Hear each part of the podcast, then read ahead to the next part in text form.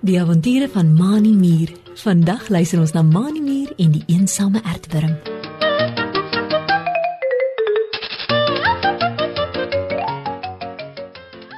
Dit is aand en die sonnetjie het lankal agter die donker wolke gaan inkruip.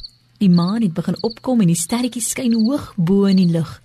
Mani Mier en sy maatjie Driekie Dassie lê plat op elkeen se rug op die gras voor Driekie se huisie in die grond, net langs die veldpaadjie. Mani en Driekie kyk na die sterre en probeer hulle name wat hulle vandag in die skool by meneer Ulrich Uil geleer het, onthou.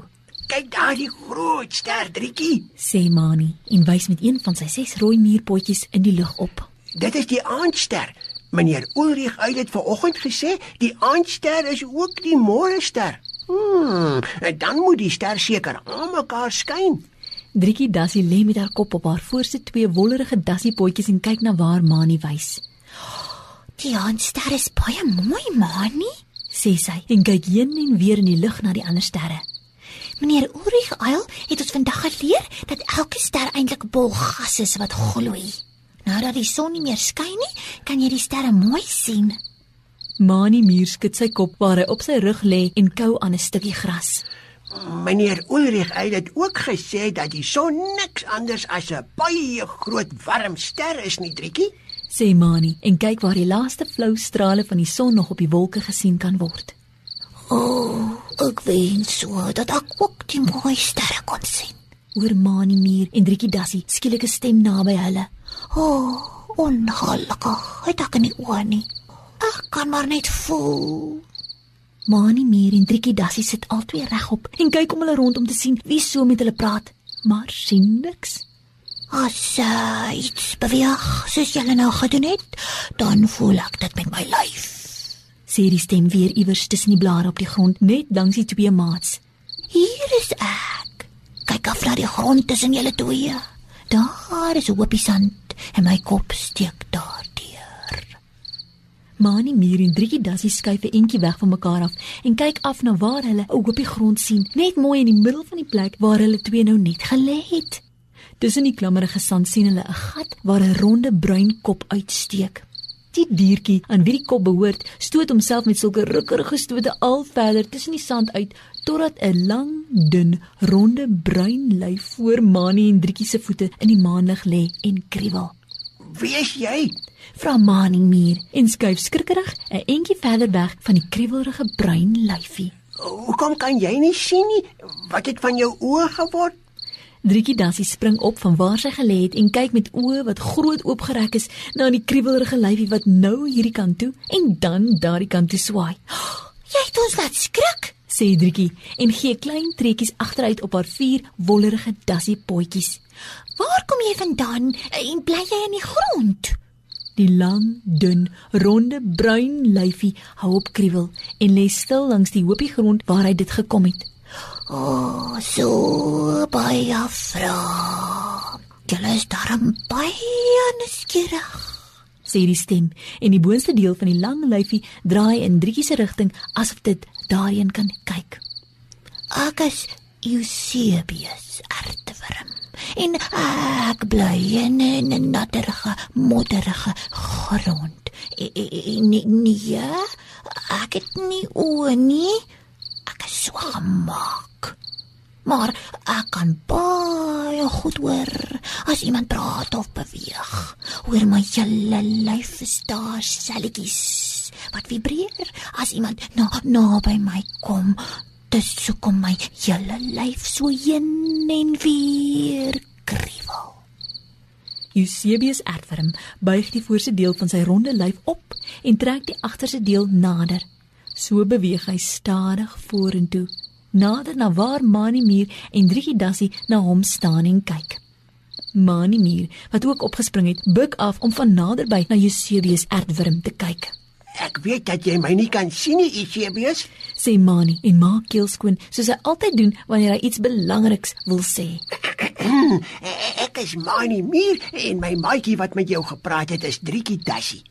Wat maak jy hier bo aan die grond as jy eintlik onder die grond bly? Jy sal mos iets hoorkom vir alles jy nie kan sien nie.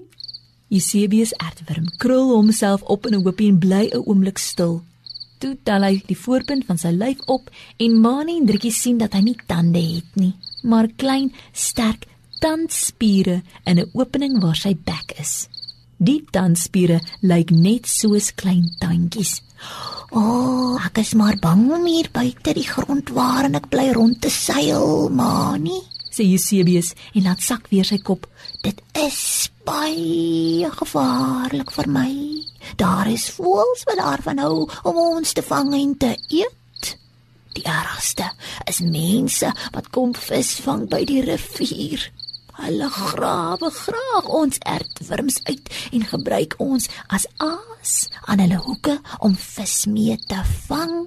Eusebius se hele brein lyfie bewe toe hy van die visvangery praat en hy skud sy kop. Maar omdat dit donker is, het ek uitgekom. Hierdie tyd van die aand is daar nog nie mense wat kom visvang nie. Dis die rede hoekom ek uitgekom het.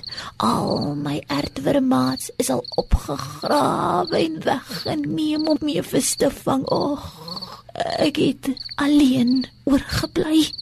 Dis nie lekker om so eensaam te wees nie. Het julle nie dalk ander aardwurm soos ek hier rond gesien met wie ek kan maats maak nie? Mani, Mier en Driekie Dassie kyk na mekaar. Hulle kry vir Eusebius aardwurm baie jammer. Ons weet nie van ander aardwurms hier rond nie, Eusebius, sê Driekie en skud haar kop. Miskien kan jy met my en Mani maats maak, dan is jy nie so alleen nie. Eusebius aardwurm skud sy kop treurig heen en weer. Baie dankie, Driekie, Mani, sê hy en draai om om weer na die gat in die grond waaruit hy gekom het te seil. Mm, dit is gaaf van julle om met my maats te wil wees. Maar môre as dit lig is, moet ek weer in my gat in die grond kruip en dan kan julle nie saamgaan nie. Uh, nee nee nee, wat? Dit lyk my ek sal maar alleen moet bly. Mani Muur steek een van sy ses rooi meerpotjies in die lug op en roep: uh, "Wag, is jy wees? Ek het 'n plan." Eusebius ertwurm hoop seil en draai sy kop om na waar Mani staan. "Wat 'n plan het jy, Mani?" vra hy en krul weer in 'n hoopie op. "Daar is nie meer ertwurms hier naby nie. Niks kan help vir my alleenheid nie." Trikkie Dassie kyk vraend na Mani en krap haar kop met een van haar wollerige dassiepotjies. "Waaraan dink jy, Mani?" vra sy en kyk nuuskierig van Mani na Eusebius. Waar gaan ons nog aardwurms opspoor sodat die seebees nie so alleen is nie? Nie nog aardwurms nie, Trikkie, sê Mani en sy oogies glinster oor die plan wat hy het. Kom ons vra vir 'n ander diertjie wat ook nie kan sien nie en onder in die grond bly of hy nie graag vriende sal wil wees met Isebees aardwurm nie. Isebees aardwurm en Driekie Dassie kyk albei fronsend na Mani muur. Van watter ander diertjie praat jy, uh, Mani? Vra Eusebius aardwurm en wikkel wikkel sy gladde bruin lyfie tot voor Mani se voete. Wie sal met 'n aardwurm soos ek maats wil wees? Mani muur glimlag. Ek praat van Mordechai Mol, sê hy en beduie met een van sy ses rooi muurpotjies. Wag julle twee net hier, dan gaan ek kyk of ek vir Mordechai kan opspoor. Ek het die hoopie grond wat hy altyd uitstooi net daar om die draai langs die veldpaadjie gesien. Mani Muur draai om en draf vinnig op sy ses rooi muurpotjies in die rigting waar hy Mordegai Mol se hoopie grond gesien het. Dit was nie lank nie of Mani Muur kom weer terug gedraf met Mordegai Mol wat op sy kort beentjies waggel agter hom aan. Ek gee bees uitwarm, ek het goeie nuus. Mordegai Mol sal graag met jou maats wil wees. Hier kom hy aan. Gesels gou met hom, dan kan julle besluit wie gaan in watter gat bly. So julle albei maats en as julle nie meer alleen nie. Mani Mier en Driekie Das het vir Eusebius Ertworm gehelp om op Mordegai Mol se rug te klouter. Saam is die twee toe daar weg om in Mordegai se gat in die grond te gaan bly.